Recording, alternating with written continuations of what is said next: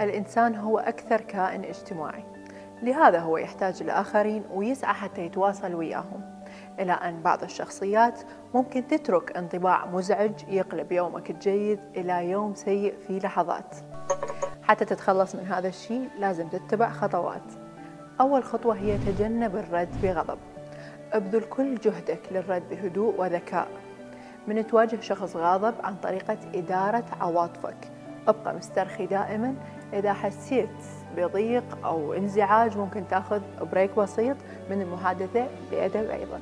ثاني خطوة هي صرف الانتباه وهذا عامل مهم جدا يخفف التوتر وينزع الغضب من المقابل عن طريق تركيز انتباهه على شيء آخر. وهذا مثبت بدراسة أجريت سنة 1998 تقول أن الأخذ والعطاء في نفس المشكلة يزيد من مشاعر الغضب في حين أن الإلهاء ممكن أن يقللها. ثالثا هو التفكير بشكل عقلاني.